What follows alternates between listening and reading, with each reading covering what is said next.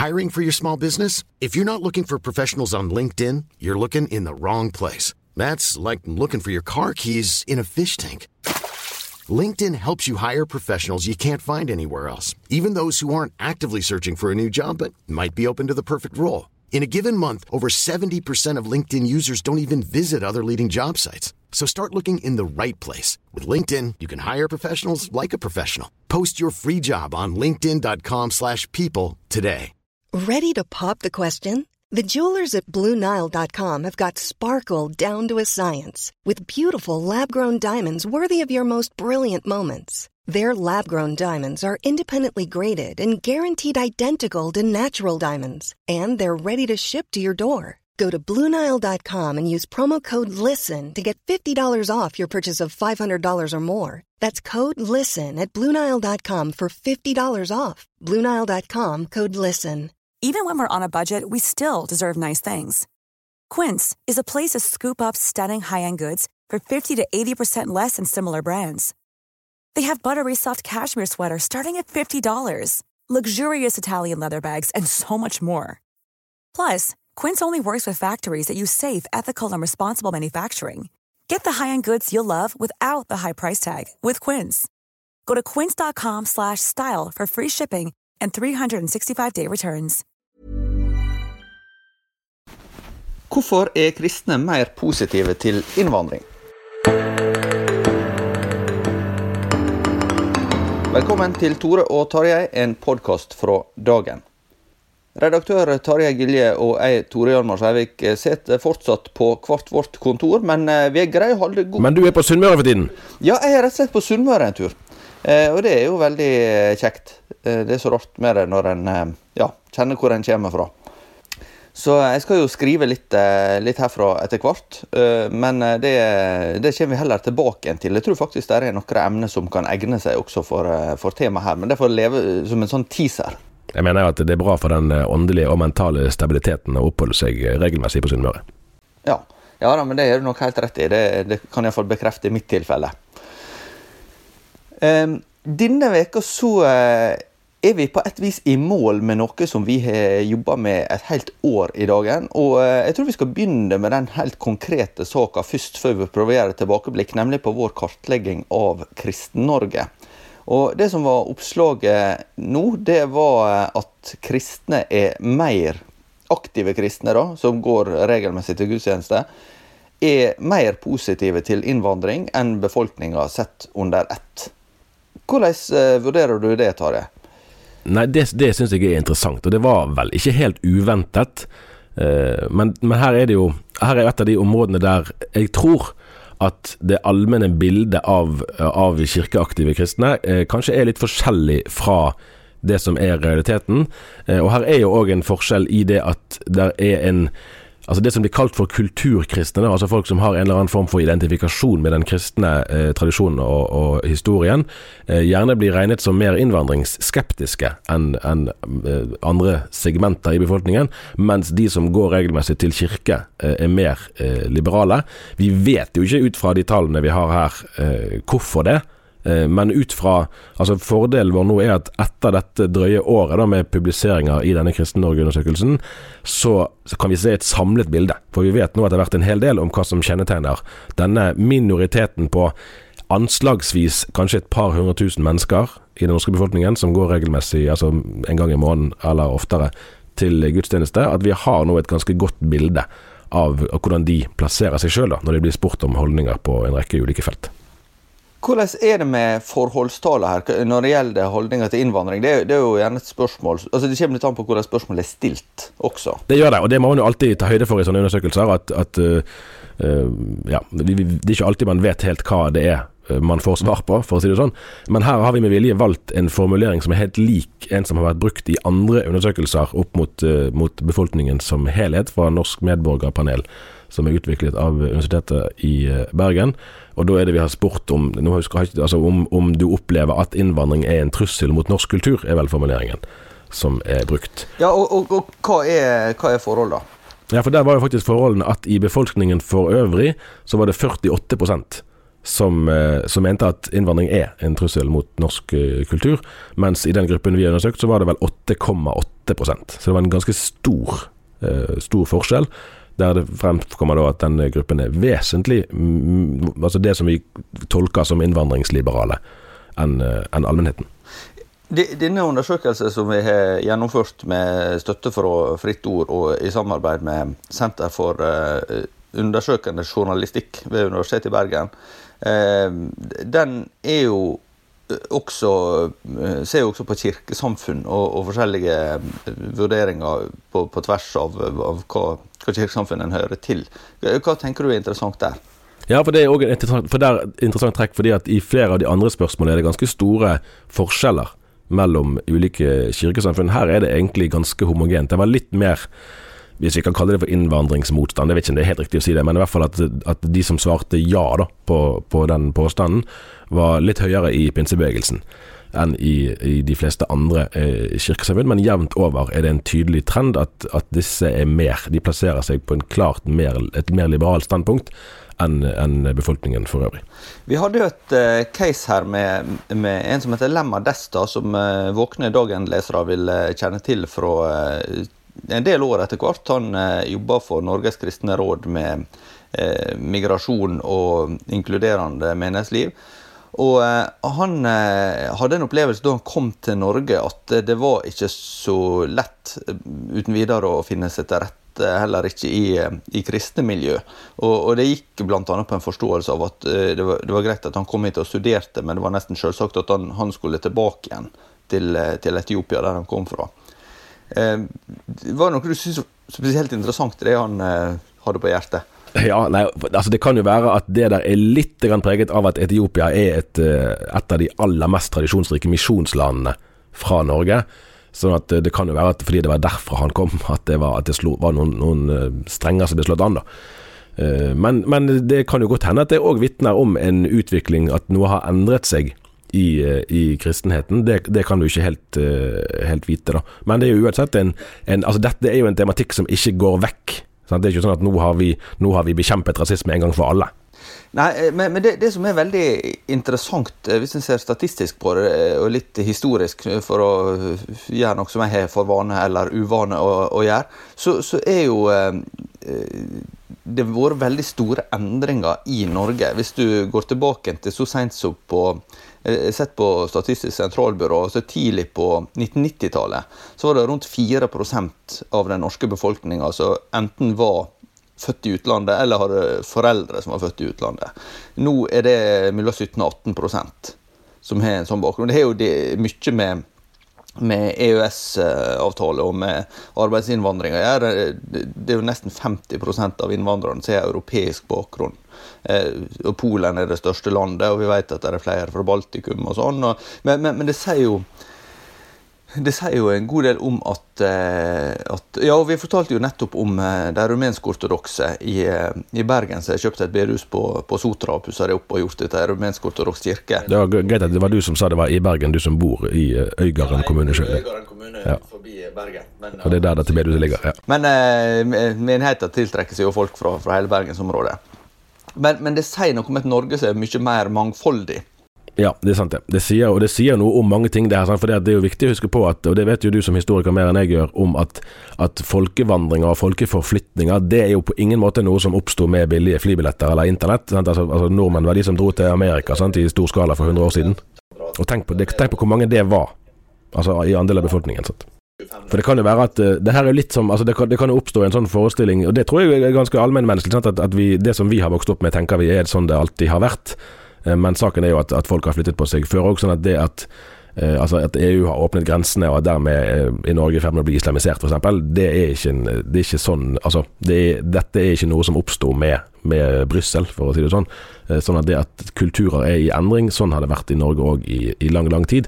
Og derfor er det Eh, og det er jo noe av det som jeg syns har vært interessant å se her, at den tanken om at konservative kristne er spesielt skeptiske til innvandrere fordi de frykter at det vil føre til ytterligere avkristning, det bildet fortjener i hvert fall noen viktige nyanser, for ikke å si egentlig at det er eh, forfeilet. Jeg tror kanskje det er nært innpå sannheten. Og så er det jo en spenning til der som er verdt å tenke over. og det er jo at det man konservativ, liberal, sant? vanskelige merkelapper alltid, men hvis man kan likevel ha det litt med i betraktningen her, da, at for liberale kristne eh, så er ikke det så mye på spill her. Hvis man f.eks. ikke har en tanke om, om, frelse og fortapelse, så er ikke det eh, det, oppleves nok ikke like betent da, eh, at man kan se et sterkere nærvær av en annen religion i det norske samfunnet.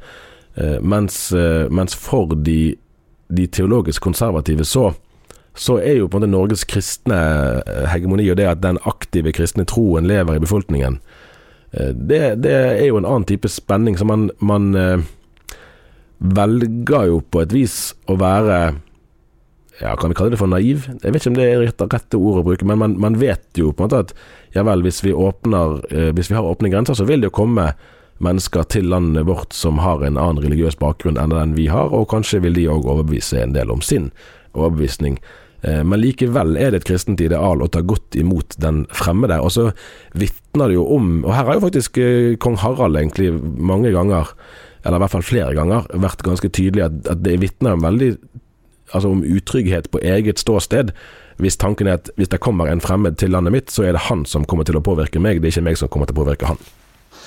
Men, men det er jo også, som jeg nevnte, viktig å være klar over Når en ser på, på statistikken, så, så, kan en liksom få, få, inntrykk av at det, det, det er misforhold mellom en del forestillinger om hva, hva innvandringa betyr, og, og, og fakta. F.eks. når det gjelder hva religiøs bakgrunn innvandrere har. For det er jo ganske mange som har en Ikke en luthersk statskirkelig bakgrunn fra Norge, men som har eh, bakgrunn i et eller annet kristent kirkesamfunn. Nesten 50 er europeere. Så, det er jo ikke sånn at eh, det er, et, det er et flertall muslimer fra, fra Pakistan, eller det, det, er jo den full, fullkomne paradokset.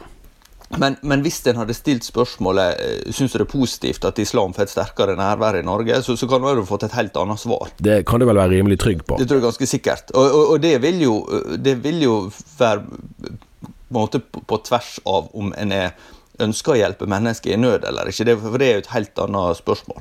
Ja, det er det. Det, er det. Eh, det var veldig interessant å merke seg at eh, eh Lemma Desta blir bli spurt om, om, det er noe han savner i Norge. Eh, og, og, da han, han savner omvendelseskristendommen. Eh, for at det, det, er liksom et eh, Noe med at vi bøyer oss for Gud og, og, og ja, erkjenne at vi trenger nåde og omvendelse.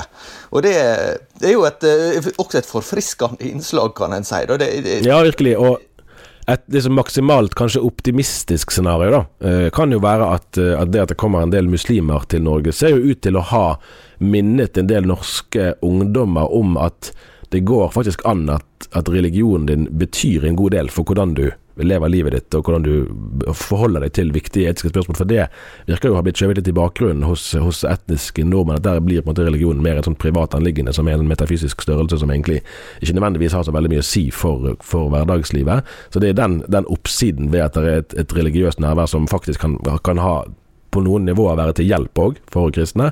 Og så er det jo òg at, at, det at det kommer kristne fra andre tradisjoner Altså Akkurat dette med omvendelseskristendom er jo for så vidt ganske lett å kjenne igjen for mange norske lavkirkelige, ikke minst eh, kristne.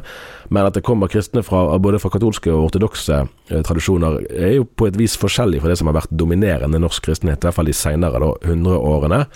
Men eh, kan fint òg bidra til en bevisstgjøring om ting som har vært der i vår egen tradisjon før, men som Altså, for det er jo viktig, og det mener jeg virkelig er viktig å understreke, at det er ikke Altså Det er ikke muslimer som har avkristnet Norge, det er det befolkningen her sjøl som har gjort, hvis det er noen som har gjort det. Det, jo, det blir jo en tolkning om det er avkristnet eller ikke osv. Men sekulariseringen kommer fra nordmenn. Det var jo inntil Jeg mener, husker du i 1970 så var 94% av den norske befolkninga medlem i Den norske kirke. Eh, men eh, det store flertallet dukka jo ikke så veldig opp, ofte opp til gudstjeneste da heller kan jeg si. Altså Det var noen høyere prosent enn det vi snakker om nå, rundt 3 som går til, til gudstjeneste. Men, men eh, det var jo ikke så ja, så veldig mange så veldig ofte. Men, men eh, dette er jo st store og komplekse problemer. Men, men, det gir oss jo mange interessante eh, ting å både skrive om og, og tenke over i tida framover. Ikke minst det med eh, integrering av eh, nye landsmenn i, eh, i Eller heter det landsperson? Hva heter det nå? Men, men i alle fall så, så, så er det jo eh, en stor utfordring for eksisterende eh, menigheter og forsamlinger å kunne eh, være åpne for eh, mennesker med en annen kulturell og språklig bakgrunn. Ja, og der, og der er det vel altså Baptistsamfunnet har vist vei i å, i å integrere altså bli en internasjonal størrelse. Det er det vel sant å si ganske få andre kristne sammenhenger i noen skala som har klart uh, i Norge. og Det er egentlig litt rart, må jeg vel si. da. For Dette er jo på mange måter en gavepakke til kirken her i landet. Men vi må også huske at uh, i, da nordmenn reiste til Amerika, så etablerte de sine egne menigheter. Jeg har jo vært ja, da, så det kan være det andre generasjoner i Minnesota, New York og forskjellig der der det, var, der det foregikk på norsk, og der det, det, var på en måte et miljø knyttet til norsk kultur. Da. Så en del av dette vil nok ta, ta en del tid, litt uansett. Ja, det er nok sant. Så syns jeg det er greit å, å, bare se dette i litt større perspektiv. For noe av, noe av, utgangspunktet for hele undersøkelsen var jo en antagelse, basert på, på våre, altså både du og meg og kollegene våre gjennom mange år, sin kontakt med det aktive Kristen-Norge, at her er det noen, noen, kjennetegn ved denne gruppen, selv om vi kan kalle det for en gruppe, altså selv om den har mange innbyrdes forskjeller, eh, som ikke helt kommer frem i vanlige undersøkelser. For da er det jo ofte at man måler eh, kirkemedlemskap, det er en målestokk. Og det andre er jo at man spør i befolkningen hvor mange som oppgir å tro på Gud. Eh, tidligere var det jo vanligere vel å snakke om hvem som regnet seg selv som personlige kristne. Nå er vel den kategorien òg litt mer uklar, så vidt jeg kan forstå, i sin, altså i sin, definisjon. Men at her er det en gruppe som har noen kjennetegn, eh, og det hadde vi ikke data på. Nå kan vi, dette, Det vi har gjort her er ikke forskning, så vi kan ikke med vitenskapelig presisjon si at sånn og sånn og sånn er det. Men det er likevel mye mer enn bare løse betraktninger eller antagelser. Vi har ganske mye data nå. Eh, og det er bare en, fire momenter jeg har lyst til å, å nevne, eh, at, som jeg tror er overraskende for en del. Det ene er dette som vi snakker om nå. Kirkeaktive kristne er vesentlig mer innvandringsliberale enn allmennheten, så det er ikke grunnlag for å si at, liksom, at norske kristne er liksom, innvandringsmotstandere, eller at den er sånn ytre høyre-profil på det. Der, i, I samme landskapet det er nesten ingen kirkeaktive kristne som stemmer Fremskrittspartiet. Og Ikke det at vi skal gjøre det til noe sånn enormt poeng hvem man stemmer på, og flertallet de så langt stemmer Kristelig Folkeparti, men, men igjen ut fra det bildet av av hvilke politikere som har en kristen appell, så tror jeg det er en nyttig opplysning å få frem. Eh, og viktig å få frem at eh, det var et stort klimaengasjement i denne gruppen. Der er jo også i noen miljøer et bilde av at kristne er klimalikegyldige, eller til og med eh, klimafornektere. Det er ikke det som er trenden blant aktive kristenfolk. Eh, og Så er det jo en del andre ting som går på eh, altså F.eks. At, at et klassisk eller tradisjonelt syn på ekteskapet som en ordning for mann og kvinne er utbredt i nesten alle kirkesamfunn. I Norske kirke er det en egen situasjon, metodistkirken òg, men i det store og hele så er det et klart, klart flertall i alle sammenhenger for at, eh, at ekteskapet er en gudgitt ordning for mann og kvinne. sånn at, eh, at den, det som blir kalt for en liberal teologisk utvikling, har kommet mye kortere enn en del nok tror. Uh, og i tillegg, i tillegg, til det, så er det òg blitt tegnet et bilde noen ganger av at holdningen til samboerskap før ekteskapet har vært i stor endring. Og det har nok vært i store deler av befolkningen, men i denne gruppen, de som går jevnlig til kirke, så ser vi at det er faktisk en bitte liten, nesten vil jeg si, da, minoritet som velger å være samboere før de er gift. Og nå skal ikke vi liksom drive Det er mange, sikkert mange samboere som kan være mer trofaste enn mange ektefeller. Så det er ikke sånn at i og for seg at, at samlivet ditt er helt topp hvis du bare er gift, og at det er katastrofe hvis du er samboer. Men ønsket om å gå inn i ekteskapet med en intensjon om livslangt eh, fellesskap, at det er i hvert fall det man sikter mot, den står sterkt i disse miljøene fremdeles. Så her ser vi at, at dette er miljøer som på noen måter skiller seg fra eh, omgivelsene sine både normer og gjerne forventninger. Og på, i noen saker vil det være sånn at det er, gjør, gjør, denne gruppen mer kan du si, omstridt i samtiden, men på andre områder eh, er det et kanskje tettere verdifellesskap med trendene i samtiden enn det man hadde ventet. Når vi nå har skrevet om dette her et års tid, så kan en eh, oppleve at vi har liksom fått eh, bortimot full oversikt over hva folk eh, tenker og syns, og hvordan en innretter livet sitt. Men, men, det er jo samtidig sånn at når en, når en undersøker noe, så får en enda flere spørsmål og, og lurer på mer. Eh, er det noen spørsmål du sitter med nå? For du, jo, Det var jo du som hadde ideen til, til denne undersøkelsen i utgangspunktet, og eh, har jo fulgt det ganske tett underveis. Men er det noen spørsmål som du nå etterpå tenker at du skulle ønske vi hadde stilt? Hmm. Ja, jeg har tenkt underveis på det, at det er flere ting vi kunne ha stilt. Men, men der er jo begrenset hvor mye du kan få gjort på én gang. Sant? Og, det var jo ting vi, det var spørsmål vi hadde oppe som vi, som vi ikke fant plass til i undersøkelsen. Eh, så det som jeg på en måte lurer mest på, er egentlig ikke de spørsmålene jeg ikke stilte, men det er mer at jeg, jeg lurer på utviklingen. Eh, Dette her var jo, Det spørs jo om vi får til noe sånt igjen om la oss si om fem år. Eh, og vi har ikke data fra fem år tilbake, så vi har ikke noe å sammenligne disse tallene med. For det, Noe av det som jeg er mest spent på, er jo hvordan denne minoriteten. Jeg tror det er litt viktig å, å, legge til grunn at det er det vi snakker om her. Dette er en forholdsvis distinkt gruppe i det norske samfunnet, og den er en ganske liten del av totalbefolkningen. Eh, og hva gjør da den minoritetsidentiteten med en? Fører det til at man går ned i skyttergraver og blir mer eh, i kampmodus? Eh, eller prøver man en annen liksom, offensiv tilnærming, at vi skal være en, måte, en kreativ minoritet, eller til og med en profetisk minoritet? Som ønsker å prege samfunnet rundt oss. og Det er det ingen som vet svaret på, for dette har vi ikke prøvd før. Eh, sånn det å ha 1000 års kristen historie, men nå være så tydelig i minoritet, det er det ingen som har, har opplevd på den måten før. Eh, og Det blir veldig veldig spennende å se hvordan det går fremover. Vil du bidra til en bedre verden? Gjennom samfunnsansvar og verdiskapning, og se bedrifter som tenker større og mer bærekraftig? Fra høsten 2021 kan du studere økonomi med vekt på etikk og entreprenørskap på NLA-høgskolen i Kristiansand. Nå tilbyr Hauge School of Management bachelorgrader innenfor økonomi og administrasjon både i Oslo og Kristiansand. Som student får du en relevant og verdibasert utdanning, forelesere som er tett på, og mentorer fra næringslivet. Les mer på nla.no.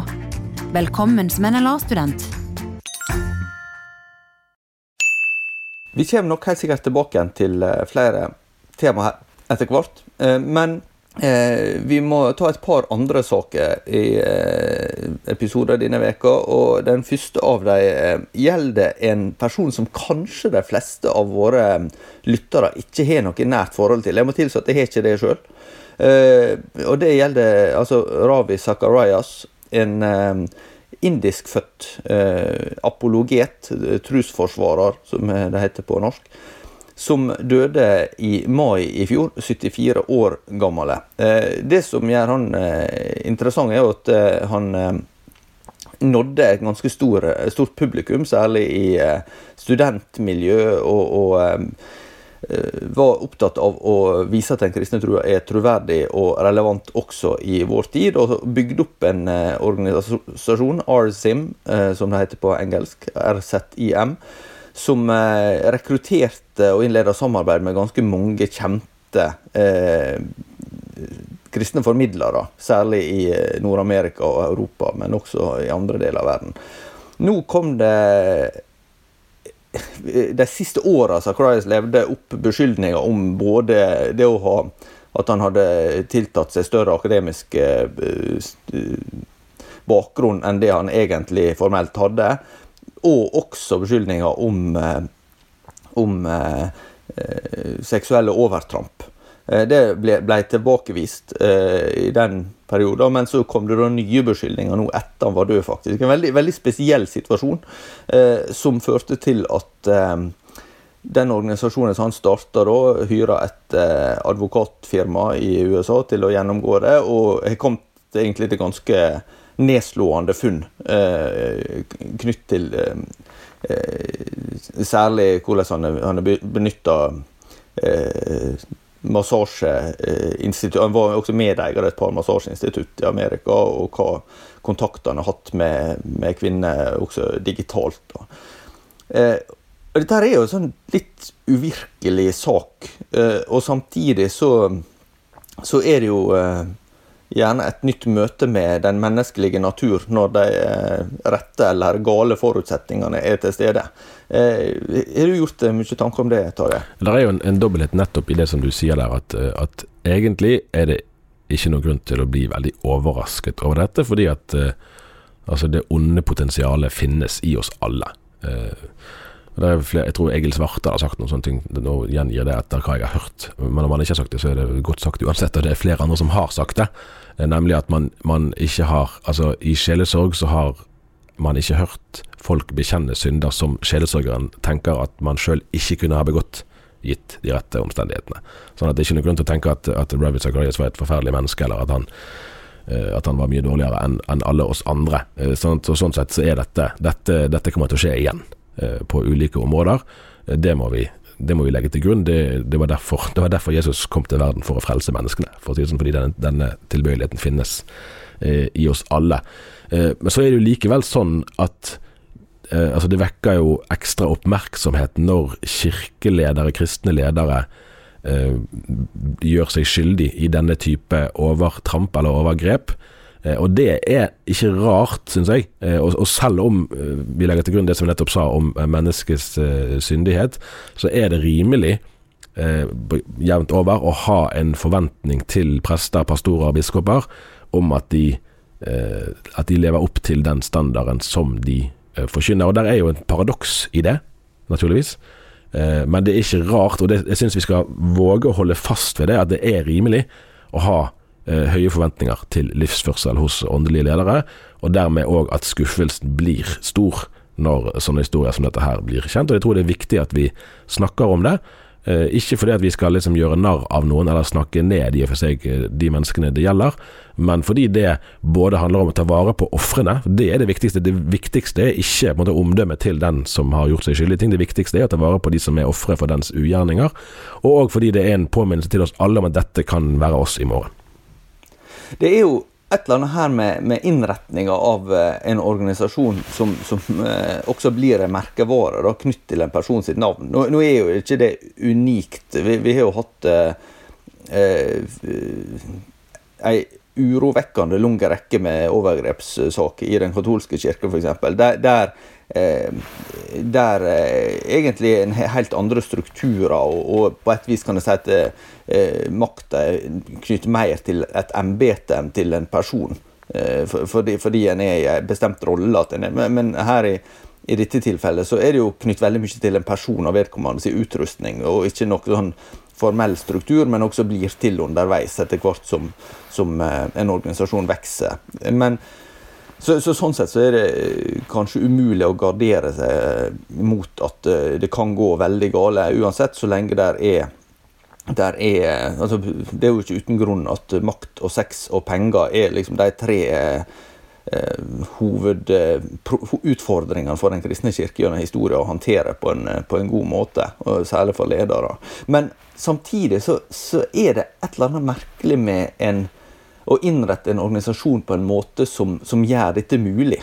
At det ikke er et system for, for gjennomsiktighet og, og eh, ansvarlighet som gjør at det kan bli stoppa underveis. For, for, her snakker vi at dette det, det har jo ikke gjort en fullstendig undersøkelse, så det kan ha gått, pågått enda lenger. Men de vet iallfall at det har vært snakk om eh, perioder 2014 til, til 2020 eh, at det har vært en god del ting som har foregått, og det, kan være, som sagt, være mye lenger.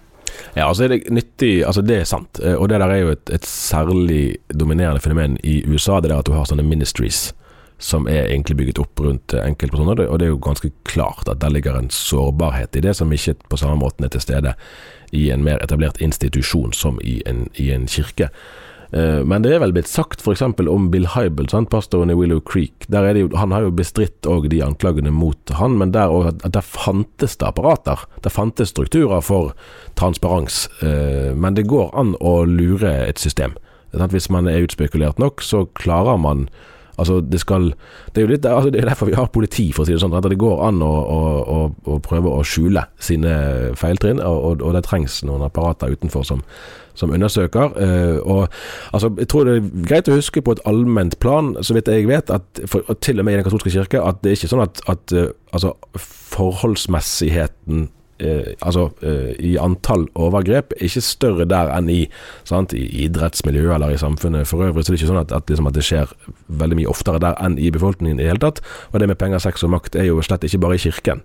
at det kan, eh, kan korrumpere. Det er egentlig ganske allmenne menneskelige forhold der, men det knytter seg andre forventninger til kristne ledere, med rette, fordi de hevder seg å representere Jesus Kristus, og da blir det likevel en annen, en annen uh, nerve eller en smerte uh, i saken når sånne her ting skjer. Altså, da må man gjøre alt man kan for å, for å, etablere gode og sunne rutiner, så man kan redusere hyppigheten av det, men man klarer nok aldri å eliminere uh, at sånn her, altså dette kommer til å skje igjen. Helt til slutt så har vi snakka litt om at vi nå er kommet til fastetida.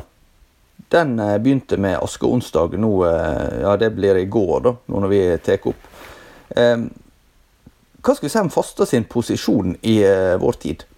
Nei, Det var moren til en kamerat av meg fortalte meg det for et par år siden, at karneval egentlig betyr farvel til kjøtt. Og Det ble en sånn, nesten sånn perfekt illustrasjon på at vi feirer jo gladelig karneval.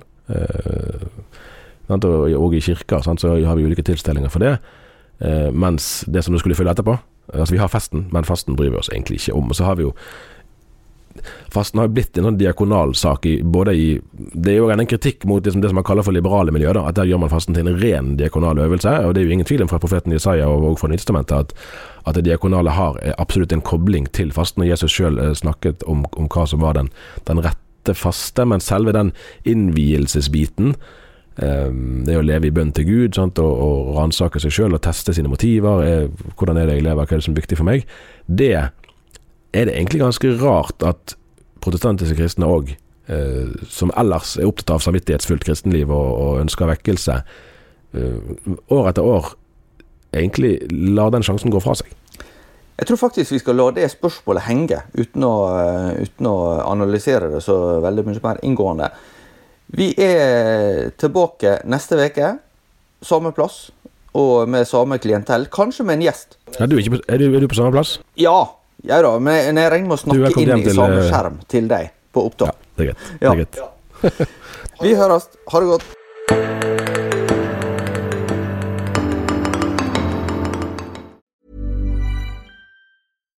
Hi, I'm Daniel, founder of Pretty Litter. Cats and cat owners deserve better than any old fashioned litter. That's why I teamed up with scientists and veterinarians to create Pretty Litter. Its innovative crystal formula has superior odor control and weighs up to 80% less than clay litter. Pretty Litter even monitors health by changing colors to help detect early signs of potential illness. It's the world's smartest kitty litter. Go to prettylitter.com and use code ACAST for 20% off your first order and a free cat toy. Terms and conditions apply. See site for details. Hey, it's Paige DeSorbo from Giggly Squad. High quality fashion without the price tag? Say hello to Quince. I'm snagging high end essentials like cozy cashmere sweaters, sleek leather jackets, fine jewelry, and so much more. With Quince being 50 to 80% less than similar brands. And they partner with factories that prioritize safe, ethical, and responsible manufacturing. I love that. Luxury quality within reach. Go to quince.com slash style to get free shipping and 365 day returns on your next order. Quince.com slash style. Even when we're on a budget, we still deserve nice things. Quince is a place to scoop up stunning high end goods for 50 to 80% less than similar brands. They have buttery soft cashmere sweaters starting at $50, luxurious Italian leather bags, and so much more. Plus, Quince only works with factories that use safe, ethical, and responsible manufacturing. Get the high-end goods you'll love without the high price tag with Quince. Go to quince.com/style for free shipping and 365-day returns.